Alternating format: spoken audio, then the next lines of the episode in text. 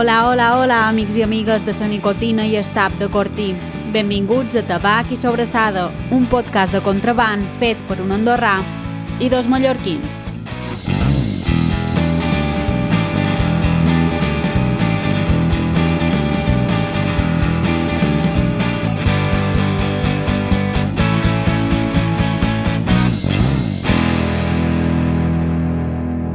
Benvingudes, benvinguts. Moltes gràcies per, per ser aquí, moltes gràcies per haver quedat després de dinar. Eh, sabem que és una hora complicada després de dinar. Nosaltres som Tabac i Sobrassada. Eh, bé, en realitat som Tomeu, Rafael i el Pablo. Les nostres mares ens estimaven lo suficient com per no posar-nos noms perjudicials per a la salut. Eh, al nostre podcast ens especialitzem en eh, esmorzars de forquilla. Anem a esmorzar i comentem una mica com ha estat la- l'experiència. Sí, i imaginem que és... No? Hola? Sí? Ara sí. I sí, just això que dèiem, Pablo, eh, estem especialitzant en comentar esmorzars de forquilla i imaginem per això que som aquí, però si no, no ho entenem, que fem aquí exactament. Uh, sí, sense brevetjar. bueno, això, pels que no sigueu de Mallorca, això vol dir presumir. Gràcies, gràcies per la, la Una mica de traducció. Mallorca explaining. traducció instantània. Uh, sense prevejar, creiem que som els més indicats per estar aquí damunt avui a l'hora del cafè, que és, sabem que és una hora complicadíssima, segurament teniu son, i res, fa dos anys ja que ens estem entrenant en la dificilíssima tasca de posar-nos davant d'un micro després d'una copiosa menjada. No és fàcil, eh? Uh, però ho fem. I res, que normalment xerram un poquet del menjar, però el menjar d'avui de Can Alcobé s'escapa un poc del nostre, del nostre menjar habitual. Que, que trobau? Mos, mos deis si ha estat bo? No ha estat bo? Sí? Passat gust? Ha faltat arròs brut. Bueno, ja, això en Pablo pot traduir arròs brut? Sí, ja, ja, mo molta energia bec per l'hora que és i la poca llum. Eh, Exacte. Uh, Nosaltres trobam ha faltat un poquet de porquim. A lo millor, a lo millor la coca seguim, però no ho sabem. No ho sabem. Uh, ja ho veurem. Uh, els postres, què tal? Que nosaltres no, no hem tingut temps. El mus aquell de llimona ha estat bo? Bo? Què tal? Sí? Aquí, Eh. eh. croqueta, de, croqueta, croqueta de xocolata experta. Bé? Sis? Sí, Uf. gent, sí. sí. Mos, això m'agrada, gent decidida, gent uh, concreta. Uh, bé, fins on nosaltres sabem, uh, complim uh, una rara qualitat, que és uh, comptar amb lo, fins on nosaltres sabem, eh? Vull dir, volem ficar sa pota. No volem ficar sa pota. L'únic creador de contingut digital en català d'Andorra, que, és en, que és en Pablo, però...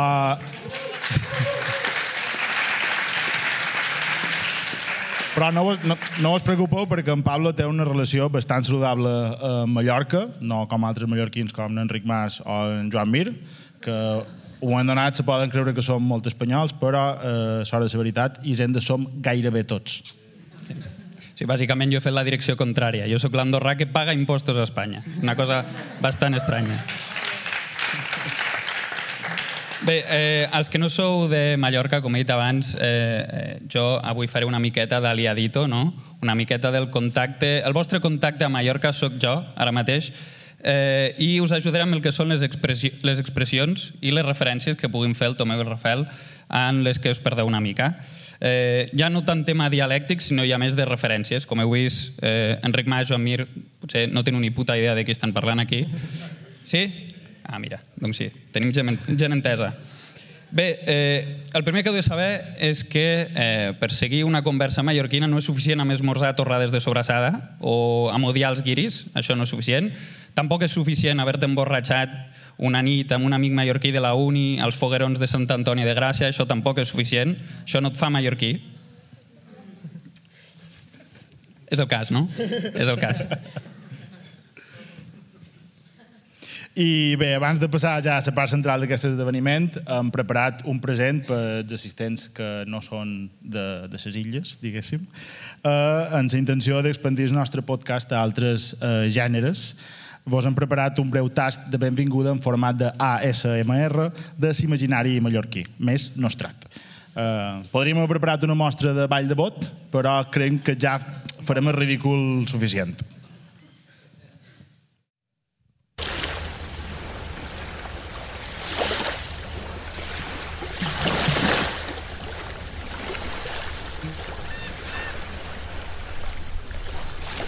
Ningú. Hora baixa, corterada, safordada, es d'en Rafa Nadal, encimada, rebocilla, en Jorge Campos, en Posidònia fins als genolls, xíxeros, escaufapanxes, na Francina sortint del hat bar, en Miquel Montoro pelant una taronja, un creuer, dos creuers, tres creuers, foners, cameot, la balanguera, balcòning, massificació, corrupció i estraperlo, mel i argelades, tabac i sobrassada. Això és el nostre pa de cada dia.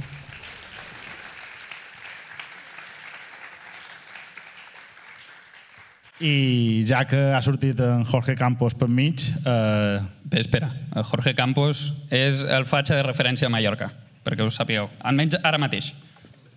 dimecres passat va ser 12 d'octubre i uns dies abans vàrem eh, viure la trobada de filofeixistes que volen tornar a l'any eh, 36.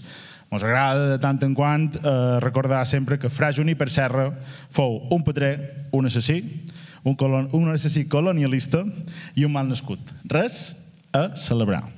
Un altre cop per als no mallorquins. Aquest tio, eh, Fra Juniper Serra, era un frare que tenia la peculiar costum d'anar als indígenes americans a convencer-los de les bondats del cristianisme a base de dialogar amb ells i, sobretot, massacrar-los. Aquesta, aquest era el truc. Ah, cientificat i tot. Bé, va massacrar molt bé, llavors. Un nombre important. Bé, posem-nos seriosos ara. Eh, la veritat és que ens fa molta il·lusió veure eh, tanta gent jove creant contingut en català i tirant endavant iniciatives tan diverses. Eh, fa molta il·lusió veure gent jove fent això. Sí. Uh, jo personalment volia donar les gràcies a en Àngel Aguiló avui per haver vengut este matí. Uh, gràcies sobretot per pujar la mitjana d'edat. Això, això m'afecta personalment i no me sent tan malament si en Àngel puja la mitjana d'edat. Uh, en Àngel no ha pogut quedar avui a hora baixa perquè crec que tenia una sortida en la tercera edat. No sé si anaven a dinar pini comprat o qualque banda, però bueno, és una llàstima que no pogués aquí. Ha, ha dit OK Boomer diverses vegades, que és com que et confirma de Boomer encara més. Ja mos arribarà tot això, Pablo. Sí, sí, no, no. Ja m'està arribant, diria. Bé, volem seguir agraint la tasca des que han fet la resta dels moderadors, com en Jaume Ribes, que sabem que tens facilitat per a dormir de qualsevol lloc, de qualsevol manera, especialment si, si has fet dues cerveses, suposant que per això t'han posat la primera, la primera taula rodona, perquè no tinguis temps de, de veure cervesa. Gràcies per estar aquí despert. Gràcies, Jaume. Des de Sa, Plo- Sa Pobla, bé, esperem l'aplaudiment. Merescut, merescut.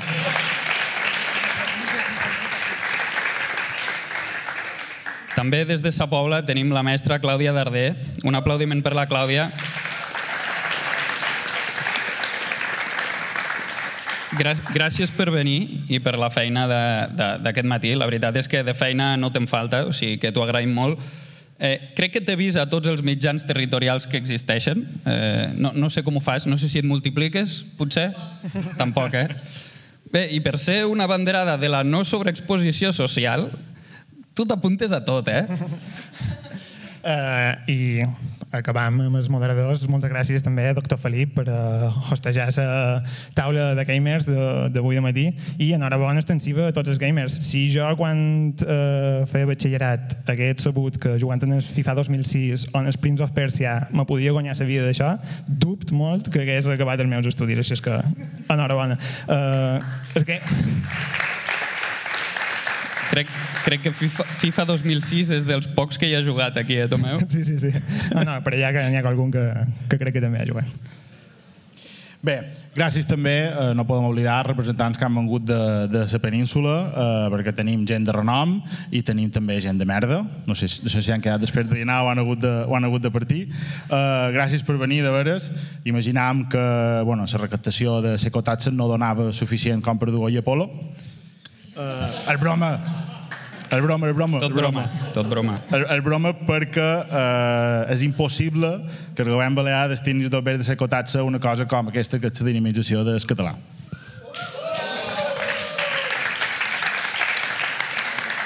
Bé, acotaré aquesta part un altre cop també eh, per explicar què és l'ecotaxa. L'ecotaxa és un impost que, del, del govern de Balears que, que imposa als turistes per salvar el planeta, bàsicament. L'objectiu és salvar el planeta, minimitzar l'impacte ambiental eh, que hi pugui haver a les Balears i després també, en realitat, sobretot és per finançar concerts de los 40 principals. És sí, cert, perquè, és cert. perquè na Rosalia pugui sopar ben a gust. I s'ha xerrat un poc avui de matí, no mos agradaria caure en el centralisme. Per tant, eh, volem donar també les gràcies que ve a la gent que ve de, de la terreta. Eh, un dubte que tenim nosaltres és el eh, sistema terreta vos fa sentir igual que el terme la roqueta mos fa sentir a nosaltres. Si el sentiment és anàleg, eh, les meves condolències, molt sap molt de greu, sabem que fa un maler. Uh, I merda, xerrant de centralisme hem tornat a, que, que va xerrant de nosaltres, supos que és així com se senten cada dia els menorquins i els pitiusos.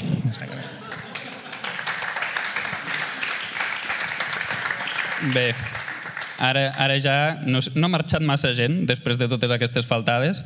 Eh, abans de que algú s'enfadi i, o acabem cancel·lats a nivell dels països catalans, donarem pas al que serà el nostre acte central d'aquesta tarda, que eh, és ni més ni menys que la sobretaula de tabac i sobrassada i la troca final.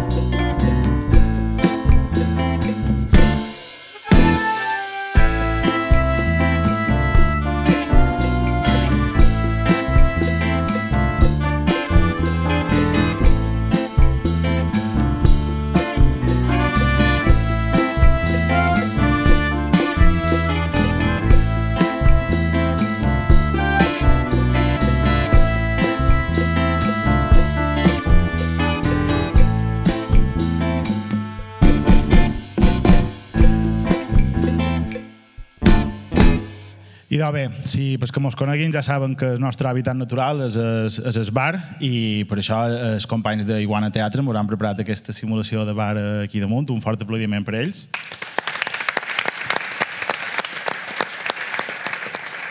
Aprofitarem per fer una analogia dels personatges costumistes que te pots trobar a, a un bar i a figures de, de, bueno, del món de la creació digital.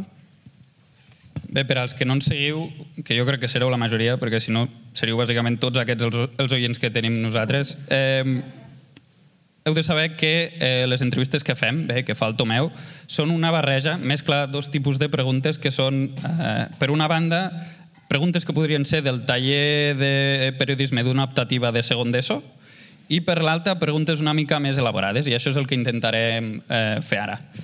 Començarem pel Tomeu? Sí, aquí comencem amb la taula número 1, que hem anomenat, i eh, espero que entengueu el concepte, plataformes de creació de contingut. Vale?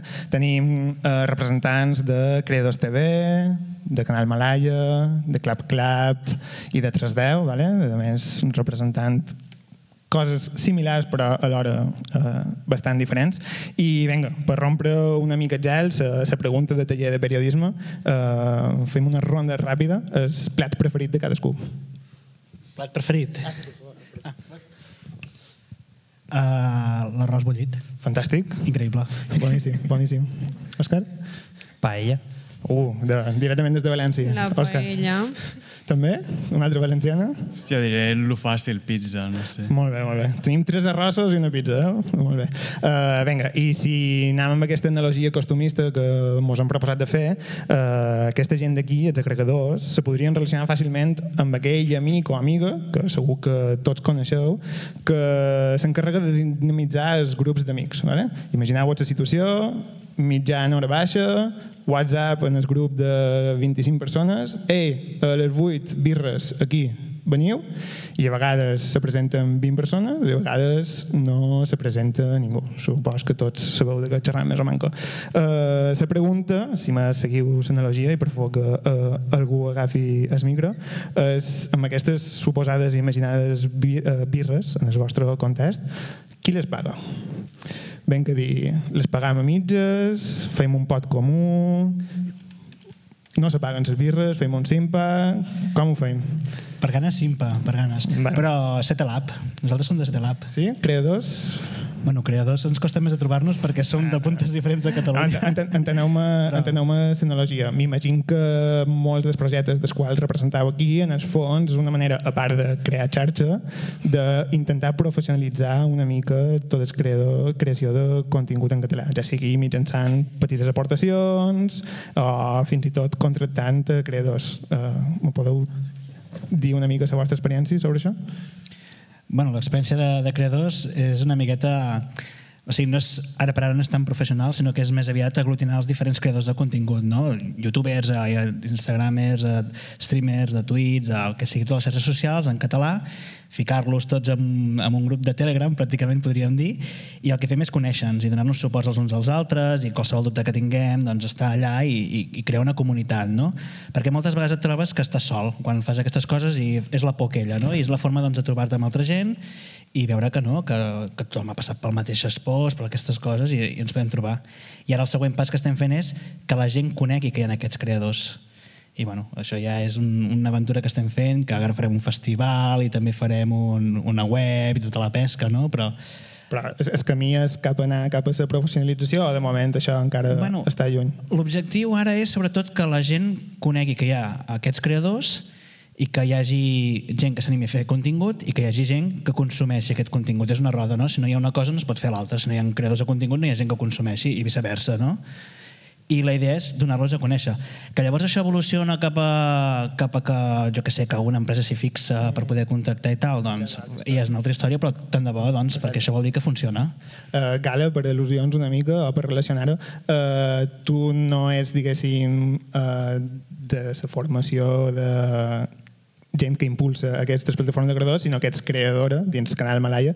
Uh, la teva experiència dins això és t'ha servit realment com uh, per expandre't una mica com a tu personalment com a creadora o... Estar dins d'una plataforma? Sí. sí, evidentment. De fet, jo estic així per una persona que va confiar que està en el públic un dia amb mi i, i realment estar a la plataforma. Jo crec que tots els que estem en Canal Malaya ens ha ajudat a impulsar-nos i a totes les propostes que ens han arribat perquè l'objectiu era en persones joves que començaven a crear contingut, reunir-los però ara ja, diguem jo per exemple fa molt de temps que no penge vídeos però sí que n'hi ha un cert renom en, en persones i sí que quan ens arriben propostes, segons els perfils que s'han conegut estos dos anys, em, s'enfoquen cap a unes persones o cap a unes altres.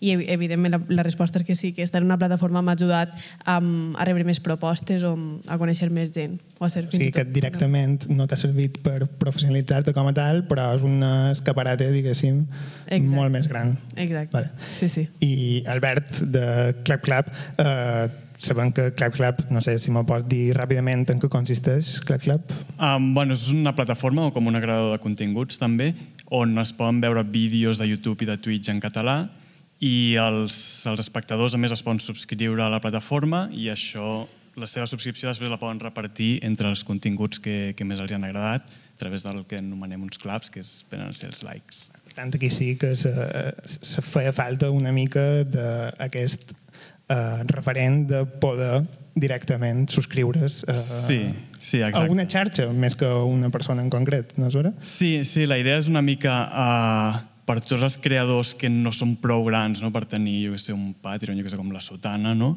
eh, una mica com unir esforços, no? tots creem la mateixa subscripció, els espectadors només han de pagar una vegada una subscripció i després aquests diners els repartim d'una manera justa, que és a través d'aquests claps que, que hem dit. Um, ningú es farà ric, milionari com l'Ibai d'un dia per l'altre, però sí que la intenció és bueno, poder aportar una mica també pel, pels espectadors, no? abans es deia, jo què sé, que les empreses patrocinessin els creadors, alguna així, jo deia, si jo tingués una empresa, doncs ara els patrocinaria, no? però no tinc cap empresa. Doncs què puc fer? Doncs em subscric en una plataforma així, no? com Clap Clap, pago la quota mensual, el que sigui, que són bueno, 7,99, i, i després això, mira, es divideix, i queda un poc, però bueno, és algo. I des de 310, que tinc la sensació que és una cosa més diversa, feis abarcau més projectes. Sí, però bueno, eh, així com a, com a creadors, eh, en especial tenim els Premis 310, que enguany farà 5 anys que es fem, i allà el que intentem fer és difusió, bueno, de normal, fem difusió de, dels creadors de contingut i una volta a l'any ens reunim a tots a mena de, de networking, no? perquè tots venen a la gala i es troben i es, i es donen a conèixer entre ells i després es fan uns premis, donen uns, uns guardons simbòlics, però que aprofita per, per aquell que, que ha tingut més rellevància aquest any, doncs se li dona un, un jurat, eh, fa una deliberació i se li dona una, és un apartat de votació popular i després el jurat i nosaltres creiem que... També teniu continguts de creació pròpia, no? Com...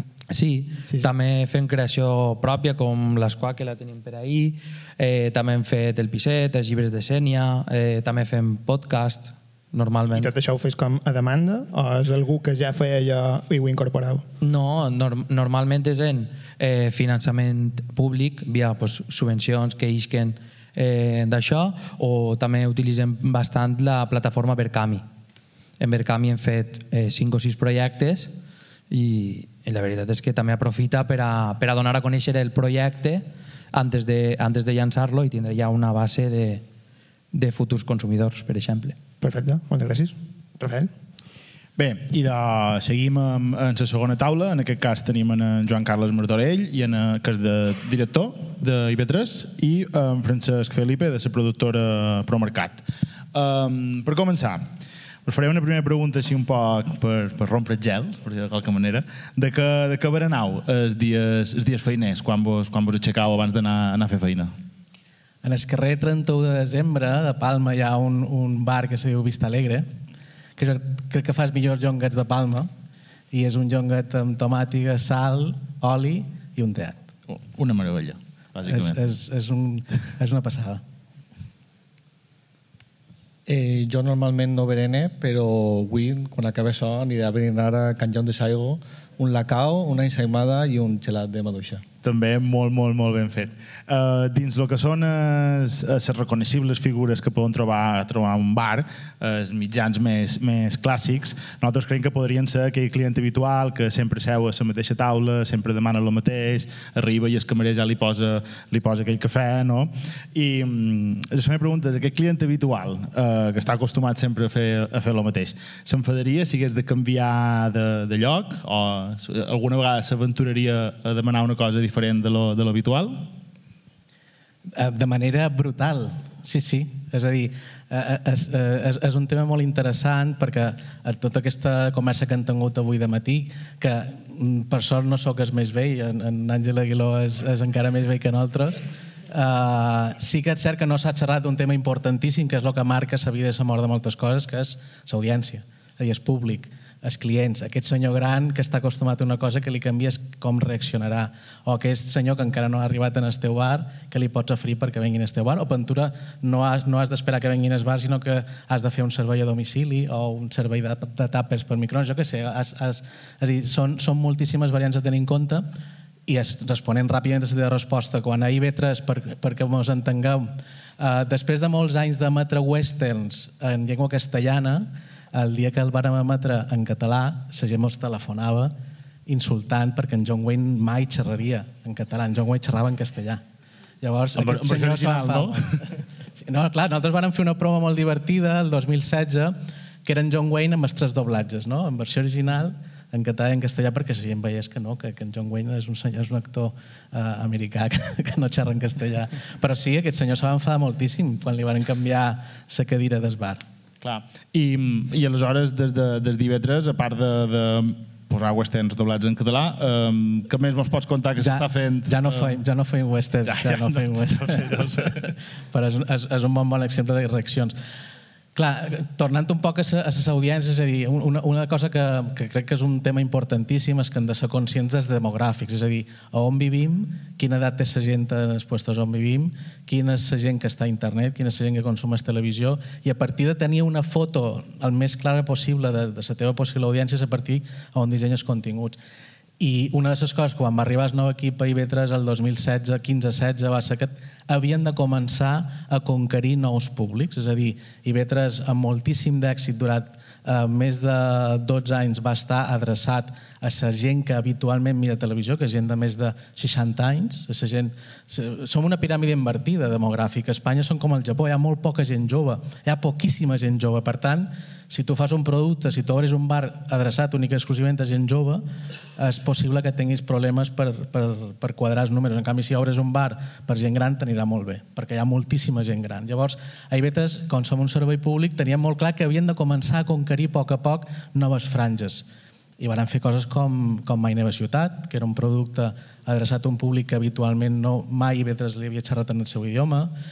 Varen fer thrillers per lo que, lo que se diu les audiències juvenils adultes, Treu Foc, varen fer experiments a Instagram TV amb, amb Nan Perelló, que, que ens ha acompanyat avui, que va ser també va ser un producte molt xulo a, a Instagram TV, nou normals. Uh, ara han fet Mòpies, que estem baixant encara més l'edat. Mòpies ja se'n va a un públic adolescent. Avui de matí hem estrenat en TV3 una, una cosa, una de les coses més guapes que s'han fet mai en els territoris de parla catalana, que és Jasmine Jambo, que és una sèrie d'animació que té veu d'en Tomeu Penya, està feta amb la música de Marc dir, s'estan fent moltes coses, però has d'anar a poc a poc, perquè si tu de cop a volta el vist alegre, el John Gate li canvia la recepta, la sal, la tomàtica, les cadires i tal, la gent se sentirà molt insegura i te fugirà. Llavors, com a servei públic, se te qüestiona. Escolta, és que el bar se t'ha buidat, estàs oferint pintura, els millors entrepans, um, amb pernil de la millor... Però se t'ha buidat el bar. Va, o sigui que potser ho estàveu, ho estàveu fent amb prudència i a poc a poc, però s'està anant cap, a, cap sí, a això, no? Sí, sí.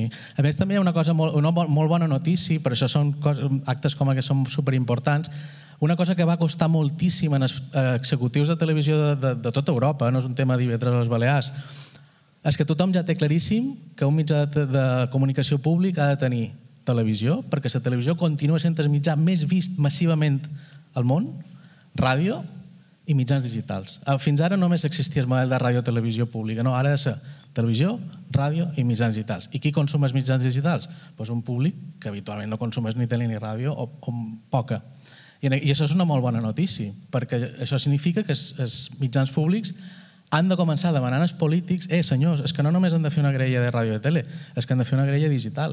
I això té un cost, evidentment, que per ara és difícil que arribi, però a poc a poc s'estan fent passes i estan a l'horitzó immediat. Bueno, estarem, a, estarem a la white de veure, de veure què passa. Um, ara ja sortint una mica... I ara anirem amb tu, Francesc, que no, no, no te tenc aquí per res. Um, i, I vetres, des de, tant des de la tele com la ràdio, com, com bé has dit també des de les plataformes digitals, creus que ha de tenir una tasca o, o una de les seves principals tasques és la normalització lingüística i donar exemple en aquest sentit? Sí, per suposat. Ara, ara en, el, en el dinar fèiem el debat de, que també heu comentat avui de matí, eh, és important que se xerri en català, sí, és important que se xerri bé en català, també, però és més important que se xerri en català. Un debat que tenim quasi cada dia. Uh, jo record que, que en el començament molta gent criticava que IB3 fes concursos, tipus Jo en sé més que tu, agafen si pots, perquè se considerava una televisió no elevada, però nosaltres sempre dèiem no, no, és que els concursos funcionen molt bé, a la gent els encanta i, i trobar-te Ah, mira, justament Àngel Aguilós és director de Jo en sé més que tu, és el concurs d'accés de, de, de prime time després de l'informatiu vespre. Uh, té una mitjana d'edat uh, molt guapa, que és, que és una mitjana d'edat molt difícil d'aconseguir en, en televisió convencional, que és la gent de 40 anys. És a dir, eh, quan tu estàs acostumat a que el teu espectador té 65, trobar-te amb gent de 40 anys, trobar-te amb concursants de 25 anys, allà és, és, és, és un gran èxit. Um, normalització, i clar, i l'excusa era, sí, però és que aquest programa no és elevat, no és un programa cultural on podem eh, disfrutar de les músiques i de... No, val, però és que és en català. I els ciutadans de les Illes Balears tenen dret a tenir entreteniment relaxat, divertit, light en català. I, i amb el tema de qualitat lingüística és un poc així. És cert que és una mancança i hauria de ser un repte. I a més tenim un, un doble repte, que és que, tornant al tema de les audiències, que tots els territoris de parla catalana siguin conscients de que l'única manera de, so, de sobreviure culturalment és juntant-se i fent coses en comú i sumar audiències dels tres territoris i per això s'han d'entendre. Nosaltres hem tingut, amb el producte fet a les Illes Balears, hem tingut molt de problema arribar a TV3 perquè els, són conscients que els executius de TV3 estan enamorats dels productes balears, de, de televisió feta aquí a les Illes Balears, però són també molt conscients de que l'espectador tradicional català que mira la tele i que posa TV3 amb el comanda de distància, quan se troba amb un Pep o amb un Mai Neva Ciutat, I algun tuit vaig dir que demanaven subtítols, com quan les pel·lícules mexicanes s'estrenen aquí a Espanya i hi ha expressions que no s'entenen. No? Però això, és un això és un repte que també les tres televisions han de fer grans esforços perquè eh, tots els 11 milions d'habitants siguin conscients de que el català és tan ric com l'anglès l'accent de Londres, l'accent de Dublín o l'accent de, de Sydney o l'accent de San Francisco són diferents, és una sola llengua, però han de començar a entendre que fins ara això s'havia fet molt poquet. Bé, ja que xerres de, de reptes i de varietats eh, dialectals, eh, Francesc, des de, sa, des de, des de ProMercat, com, com estàu enfrontant aquests, aquests reptes d'incloure eh, nova creació de contingut digital i adaptar-se en aquests diguéssim, nous temps audiovisuals? Doncs nosaltres som un, som un mercat de coproducció, fonamentalment en, en, en, català, eh, que busquem la coproducció en les Illes Balears, en Catalunya i en, en el País Valencià, és la segona edició, i som el, el mercat de cinema jove, no? que és el, un dels festivals importants de, de la ciutat de València.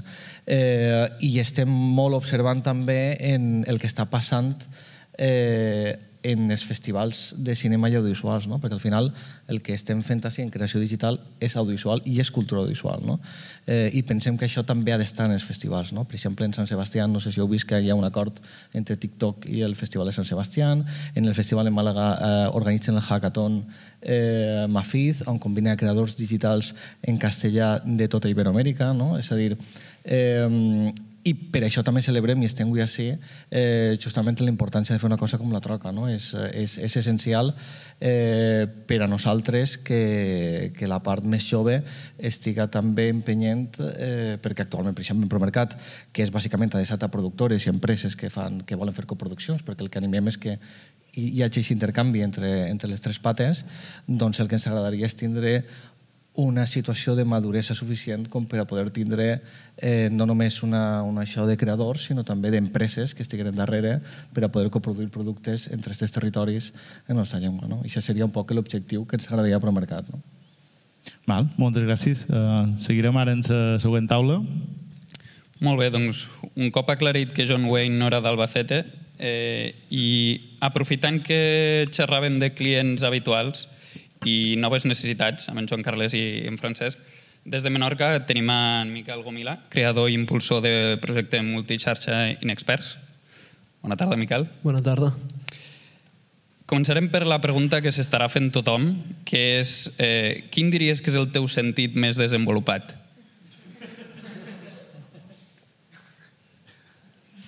El de la vista, no? De la vista, no? Potser el del gust. El del gust. Sí. Molt útil pel tema de l'audiovisual, no? Sí, tot i que aquell no el tinc tan desenvolupat, sinó més en de la boca, però sí. Molt bé. Eh, doncs, seguint amb l'analogia dels bars, eh, en, en Miquel, en contrapunt al que seria el client habitual, és aquell animal social de, barra, de bar que s'adapta a qualsevol tipus de situació. Te'l pots trobar a la barra, te'l pots trobar a la taula, te'l pots trobar fora fumant, en grups grans, en grups petits. Eh, al final és, és un camaleó. En, en Miquel és un camaleó que ha hagut d'adaptar-se també a, a, això, que, a, als nous formats que estan apareixent.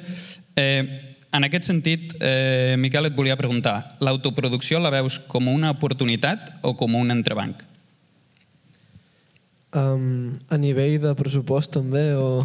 A, a, a nivell global. O sigui, jo crec que autoproduir-se és molt, és molt positiu, sobretot com per aprendre al principi, però d'altra banda també pues, m'ha semblat molt complicat i, o sigui, és, és d'aquelles oportunitats que són evidentment complicades però a llarg plaç és molt positiu perquè no sempre tindràs algú que te produeixi els teus productes i si ho saps fer tu pues, tens molt menys obstacles mm -hmm.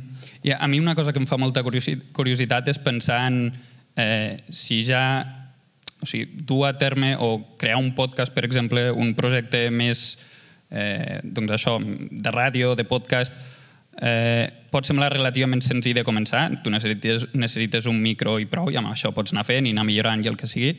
Eh, amb un nivell més de sèrie documental o un tema més audiovisual com, com el teu, eh, quines dificultats t'has trobat eh, en l'autoproducció? Bé, s'ha de dir que realment, tot i que sí que sigui la direcció, la direcció de producció és nostra, sí que tenim una producció executiva que mos ajuda molt, vull dir, a nivell de, de diners, no?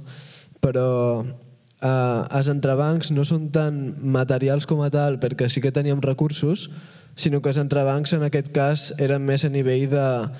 Bé, que aquest projecte és un aprenentatge com tots i, els entrebancs són més a nivell de encara no sé fer això perquè uh, encara no he après a fer-ho. Mm. És a dir, encara no sé com, com entrevistar en aquesta persona sense ser massa directe, com treure-li el que jo li vull treure, com preveure una situació, perquè clar, és, és documental, no saps què passarà, has d'improvisar i, i has de ser una mica diví i saber què passarà què t'ha dit aquella persona i com... Bé, supos que vosaltres també quan, quan entrevisteu heu de... Jo, jo no ho compararia, No? Miquel, no, Vale, perquè vale. sortirem perdent nosaltres. Vale.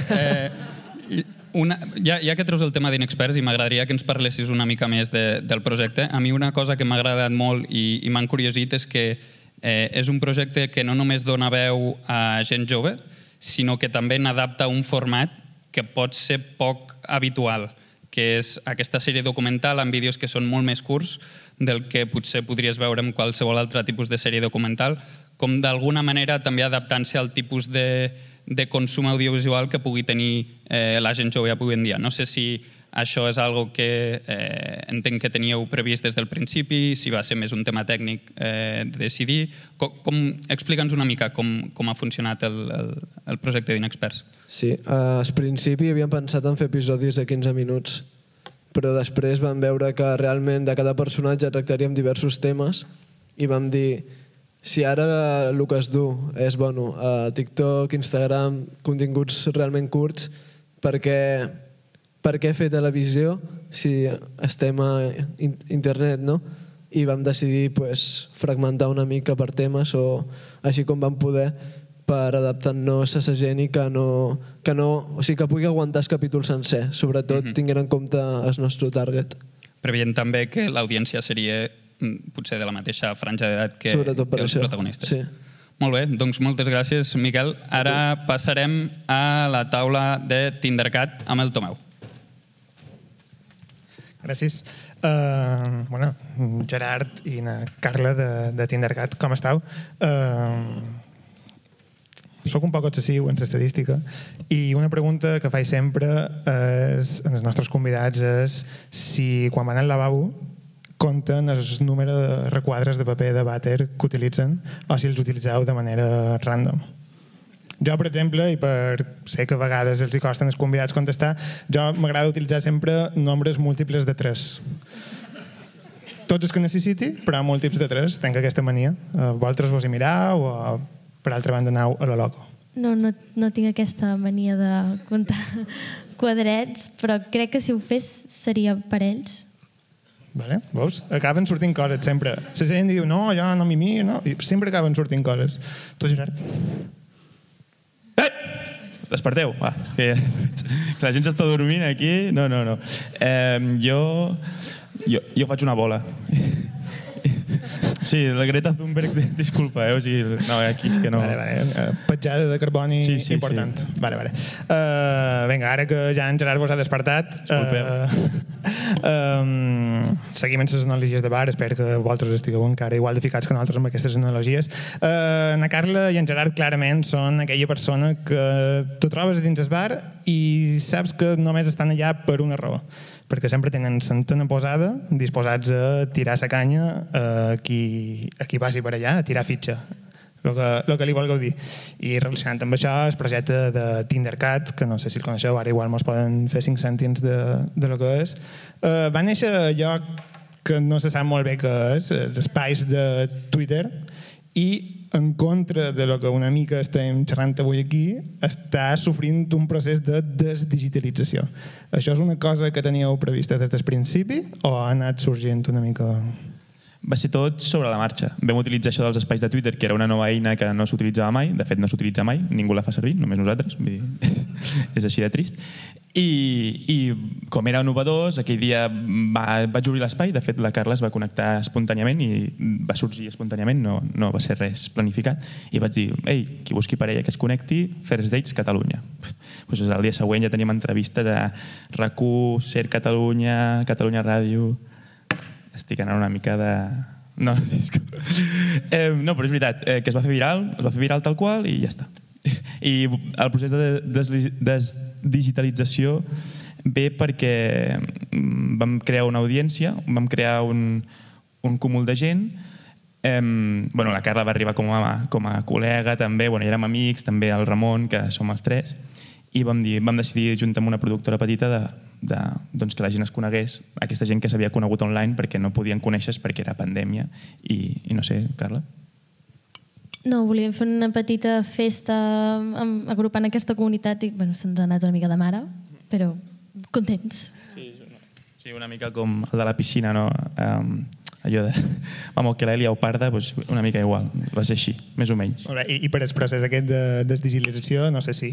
Uh, quants, quants esdeveniments heu fet aquest estiu? Heu fet com una gira arreu del territori, no? Cinc o sis, Bé, set, sí, no, eh, que set, n'he- vuit. N'heu fet un, un nombre Vuit. significatiu. Set. Um, Uns quants. Nombre, nombres aleatoris, ok. Uh, la la meva pregunta va com, com, com passau de- de- de- d'aquí a, a, a, no sé si se pot dir que ompliu escenaris i tal, però bueno, a tenir gent que a veure físicament uh, a nivell de xarxes socials. Supos que ab- abandoneu Twitter i que feis donau canya a nivell de promoció per tot Sí, sí, sí, bueno, teníem una mica aquesta comunitat que, que diem a Twitter i tal, que es connectava gent i sempre ens deien, feu alguna presencial, no sé què, tal. I vam fer el primer que, que sí que, que, que va ser un, exitàs i tal, i després, bueno, depèn de, també del, del poble on, on anéssim i del lloc, doncs hi havia més o menys gent, però sempre ens he trobat um, molt de- molt d'amor, molt de- d'escalf i, i hem fet festa i la gent s'ho ha passat bé i la gent ha lligat, Tindercat funciona. Sí, jo, jo crec que s'han juntat diferents raons i diferents motius. Suposo que la Carla és un motiu. També li va agradar molt doncs, formar part del projecte, evidentment és seu. I el Ramon un altre motiu. Un dels meus era jo no sé cantar, jo no sé actuar, anem a fer alguna cosa perquè ens contracti una festa major i anem gratis, no? I, i els festivals també. I, i va ser així. I a part de, ja, pura curiositat, a- a- aquest creixement vos, vos ha hagut de d'invertir en contractar gent, uh, no sé, una mica... Com, com heu gestionat aquest creixement? Sí, sí, ha, ha, estat, ha estat, la veritat, tot eh, parar molt a l'art. Vull dir, al principi vam fer una Sant Cugat que ens vam deixar de la nostra butxaca bueno, i de la productora, que és molt petita, que es diu La Bombilla Mèdia, està aquí un representant que es diu Nil, que moltes gràcies. O sigui, vam haver d'invertir molts diners i per fer un esdeveniment a Sant Cugat que va sortir bé, perquè amb la barra i tot es va retornar diners.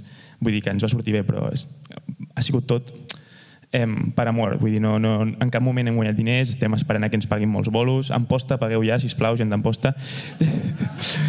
I, I vull dir que no, que en cap moment ha sigut per treure diners, ni... és per passar-nos-ho bé, per divertir-nos i en el fons per, per passar... O sigui, per, la, per fer feliç, no? En plan, Tampoc, si en el moment molestem, com el Piqué, no? S'hauria de marxar, doncs jo igual.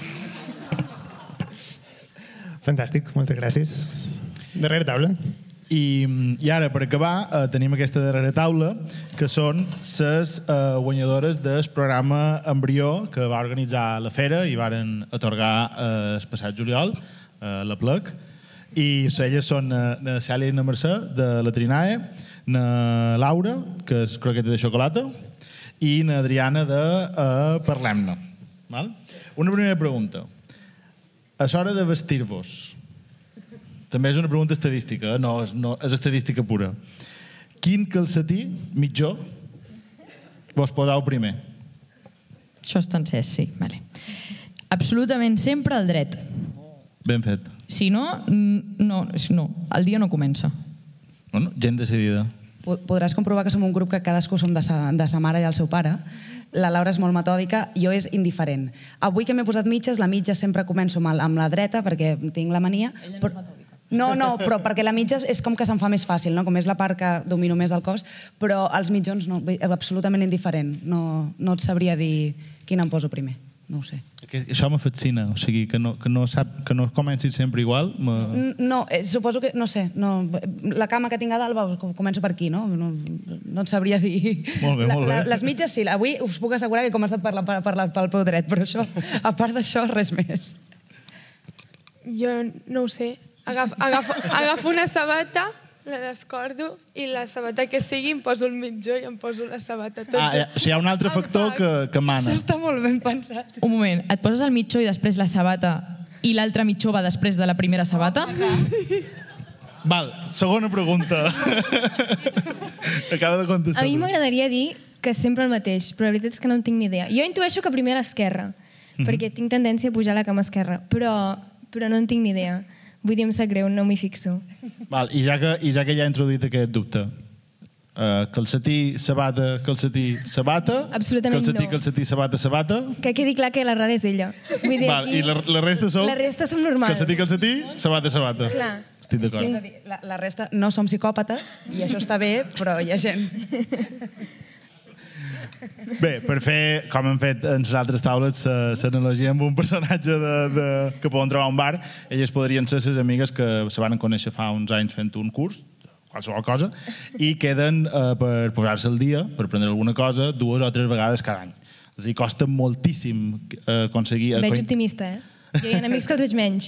Sí. Vull dir, i s'intenta. Bé, la qüestió és intentar-ho, perquè, Sí. perquè és, és molt complicat, perquè sempre esteu superocupades, sempre feu 50.000 coses, però quan vos conseguiu trobar, eh, passar una estona eh, meravellosa.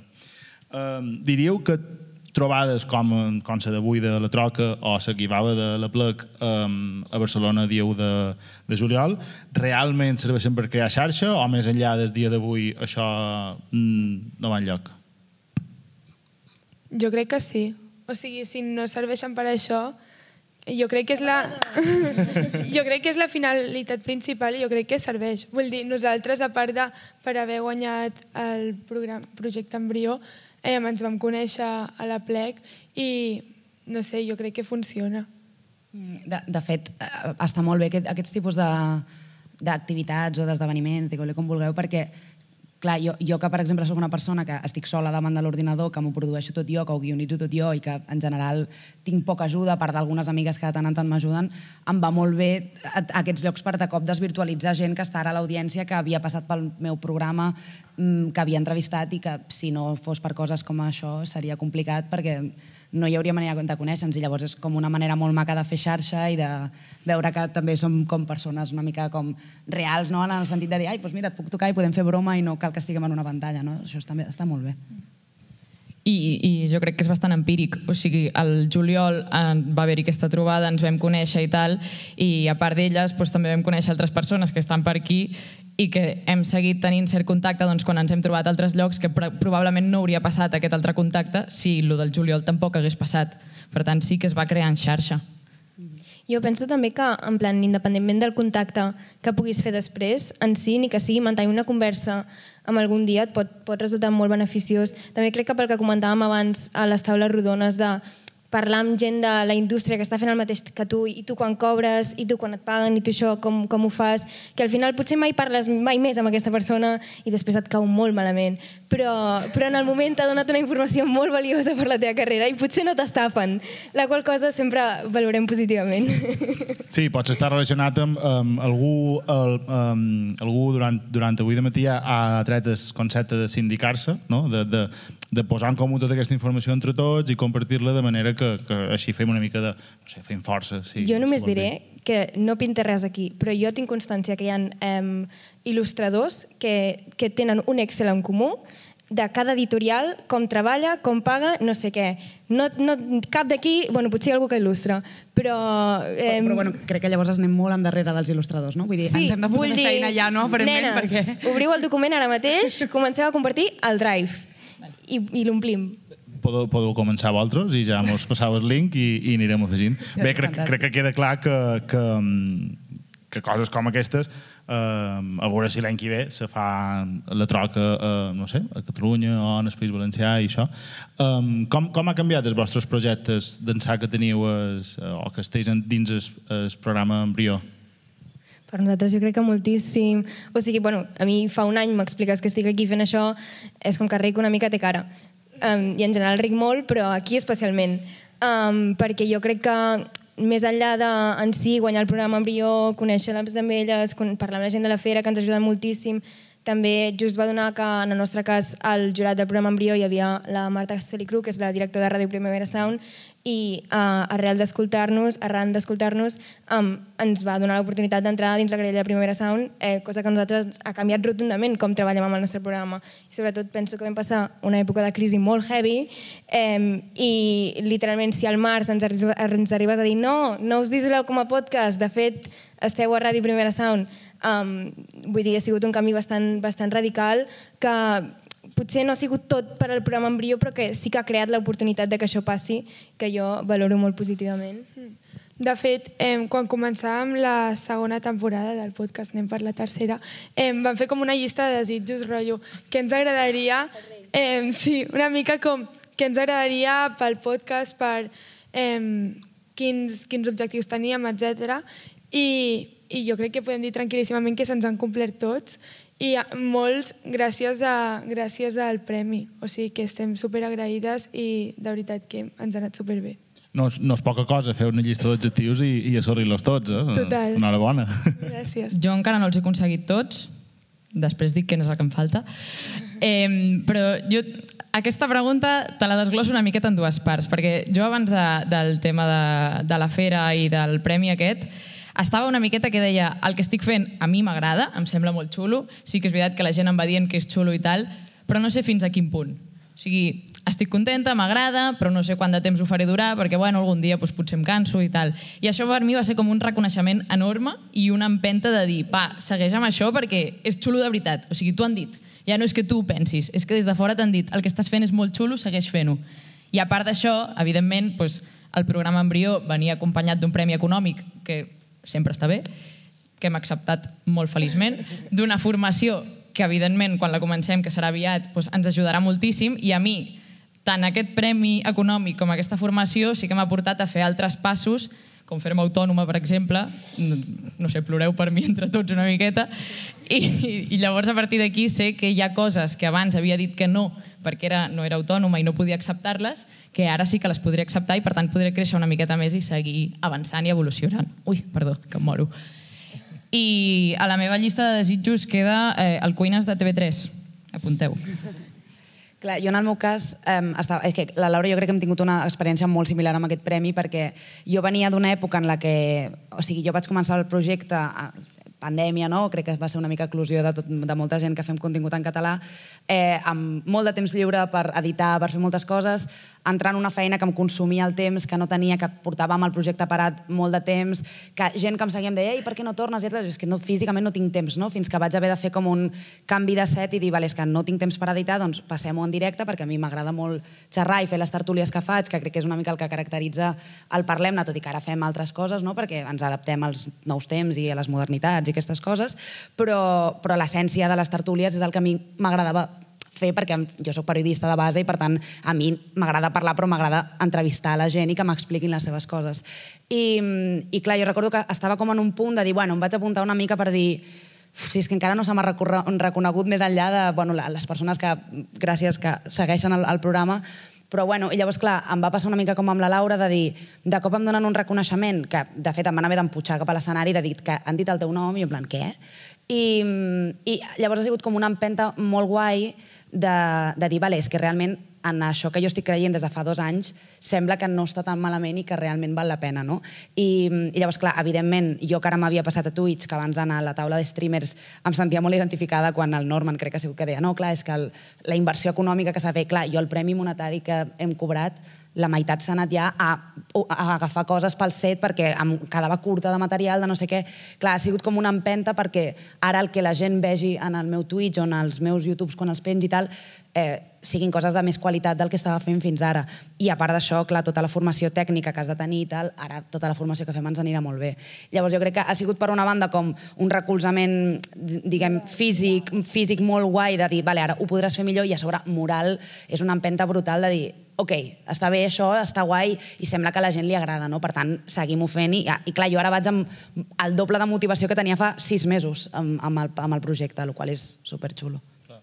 Que més en el, en el jurat dels premis no hi havia qualsevol, vull dir, hi havia professionals de la indústria, o sigui que, que els teus amics o que un premi random et digui ho estàs fent molt bé, felicitats, vale, però que t'ho digui gent que ho sap, que ha vist clar, moltes clar, clar. coses, que està treballant en això cada dia, per nosaltres va ser un xoc complet de dir, perdona, tu, tu penses que jo el que estic fent, Clar, que no tinc ni idea de què estic fent... Clar, a mi el que em va passar Val amb, amb el Premi a la Malla és que se'm va apropar gent del jurat, perquè clar, jo havia, evidentment, cotillejat qui ens Home, havia votat i tal, home. però jo pensava, bueno, jo amb aquesta gent no, vull dir, no em coneixen, no saben qui sóc, jo no parlaré, saps? Vull dir, I jo recordo que em va venir el, pre, gent del jurat que jo conec i era com de, wow, referents, que em deien, oi, m'ha agradat molt el teu contingut, t'he votat molt bé, perquè... tal?" I jo pensava, què?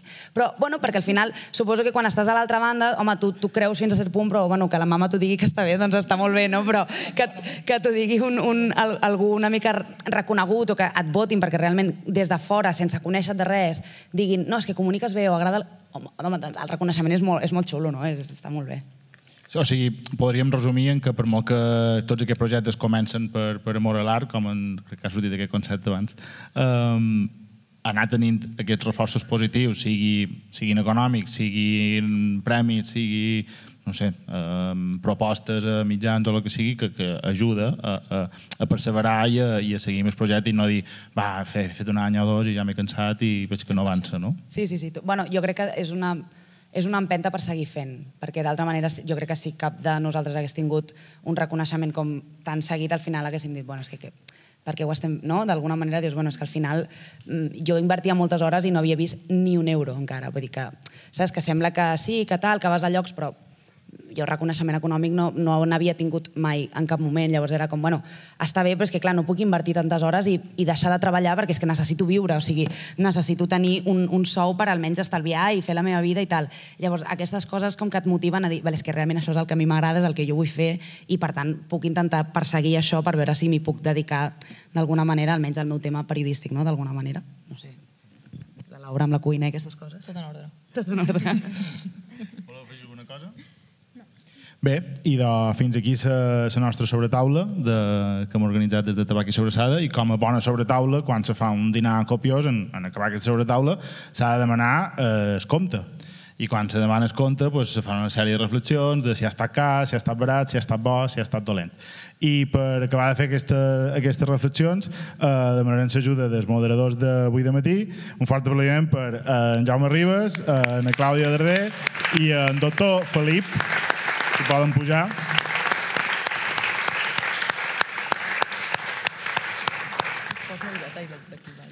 Sí, sí, el que vulguis.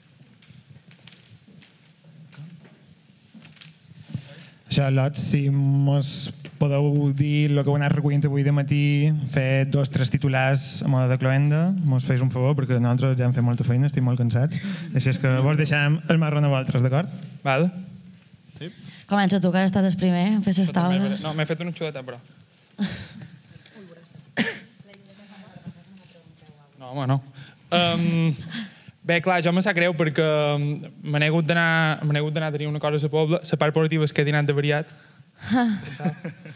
um, però bé, només he vist la meva taula, per tant serà, serà una, mica, una mica limitat el que vos digui.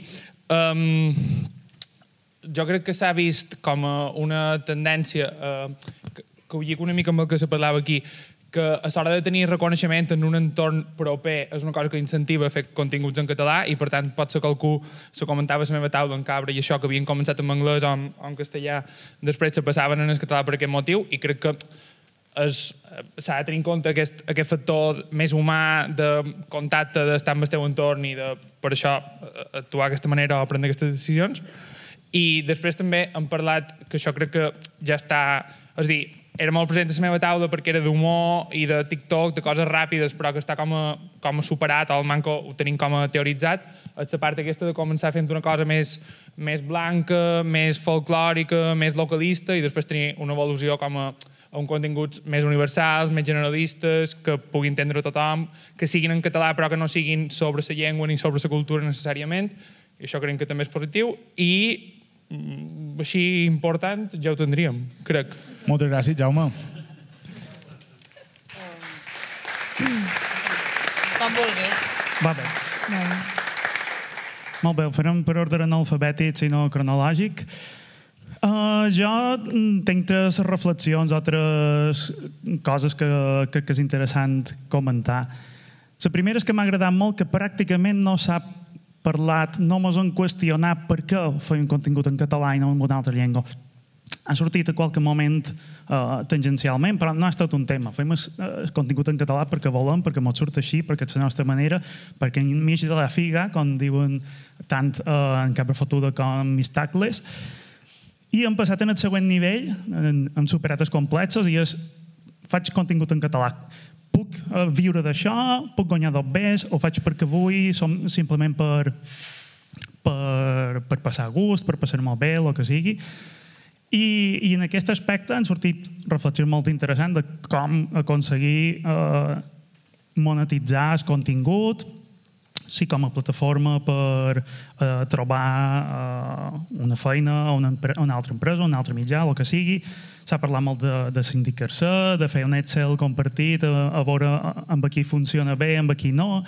I sobre el, el paper de les institucions, que, que també és interessant, perquè així com tal vegada hi ha gent que pensa més en ah, sí, les institucions ens han de subvencionar, no? ens han de posar una paga i tal, sí que hi ha altres idees, com per exemple en Cabra Fotuda ha dit jo me puc dedicar a això perquè tinc una tinc un mànager que s'encarrega de parlar amb les empreses. Ventura, només necessitam una entitat que faci d'intermediari entre creadors de contingut, empreses, institucions, home, el teu producte en quina empresa pot anar bé, en quin preu, etc.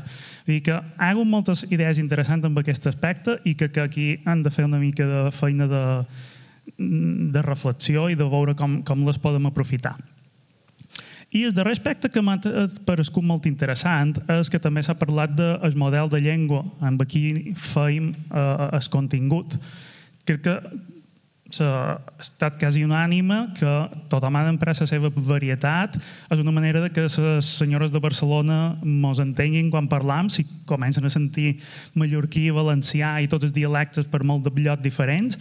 Això crec que no és inqüestionable Després el tema de la correcció, sí que aquí han de fer Uh, jo crec que hem de trobar un, un, és un equilibri delicat. Vull dir, el llenguatge d'aquest tipus de continguts ha de ser espontani, ha de ser modern, ha de ser com parlen els altres, però també han de tenir en compte que som uns models per a altra gent que mos mira. Vull dir que mm, jo sempre dic tots han d'aspirar a millorar el nostre català no fa falta parlar com en uh, Pompeu Fabra, però que sí que si a poc a poc anem millorant, anem eliminant barbarismes, coses així, també és una cosa que pot ser beneficiosa en el futur. Però, com dic, és un equilibri difícil de, de trobar.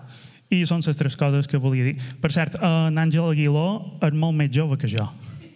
No pots ficar amb ell passadat, per favor. Ah, sí, les bromes haurien d'haver anat per tu. Mm. Exacte. Ah, bon.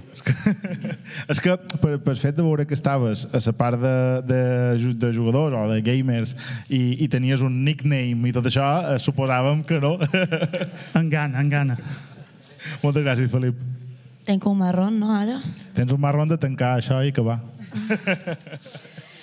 Bé, jo m'havia apuntat unes coses que m'ha deixat la llibre tallar Um, per tant, el que m'havia apuntat era... Ah, sí, que... Um, bé, crec que aquesta trobada ha demostrat que se poden fer coses amb els tres governs eh, que se materialitzin d'alguna manera i que ens posin cara i ulls a tots, no? I que també mm, es, pipa, es pipalleu una mica sa, aquestes varietats del català que, que xerram i que descobrim. Jo abans de la meva taula els hi he fet la prova de... Tu has escoltat... Um, um, Júlia, escoltava gent de merda, gent de merda sabíeu que era una Júlia, um, i bé, hi havia allà una espècie de... Hi havia les fronteres, no?, que els hi han dit, i evidentment hi són, meves també, perquè aquí hi ha molta gent que jo no coneixia i crec que Um, I té moltes ganes de seguir-vos a tots, així que si vos faig foto és per això. Aleshores, um, crec que això és una de les coses bones que mos ha uh, donat la troca. Després hi havia uh, l'altre tema d'aprendre o aconseguir o intentar desenvolupar un camí per intentar monetitzar, patrocinar, aconseguir um, reconeixements de premis, sí, però també que sigui una cosa també um, molt més eh, eh, de llarga durada, no? o sigui, com, com tenir una feina al final. Eh, clar, i a vegades si no arriba ràpid o si no arriba en segon quin moment, eh, comentàvem per aquí que a vegades te'n canses i dius, si m'ho haguessin dit fa un any, potser ja no hi seríem, no? si no m'hagués passat això. Aleshores, aquí sí que crec que hi ha... En Joan Carles ha apuntat el tema de l'audiència, que no sabia xerrar gaire, Uh, bé, per fer-ho... Jo no penso que siguem valents per fer-ho en català, penso que simplement evidenciem que és una llengua amb la qual se pot viure en normalitat, però eh, entenent que el mercat sí que a vegades eh, no entén això, no? és a dir, jo com a parlant ho puc entendre i ho puc viure d'aquesta manera, però a vegades el mercat no ho entén així. Aleshores, crec que el tema de l'audiència no ha de ser l'excusa per no contractar, per no mirar, per no agafar eh, a segons quines persones. No? Aleshores, crec que crec que l'empenta institucional o que l'empenta privada, si voleu, és igual, també ha de venir per aquí, no pensar tant en seguidors, sinó en el que el contingut que pugui aportar aquesta persona, aquella altra persona o això. És a dir, per favor, vull dir, no sé, ja està. I, mm, eh, és a dir, ha estat bo, molt bo i barat, no? Moltes gràcies, Clàudia. I mm, bé, moltes gràcies a tots els participants. Moltes gràcies a tots els que heu pujat eh, compartir la soledat amb nosaltres. Un fort aplaudiment per tots ells, per passar aquesta estona amb nosaltres. Gràcies. Si voleu baixar... Si voleu baixar, per favor. Sí, sí, podeu anar, podeu anar baixant, si voleu.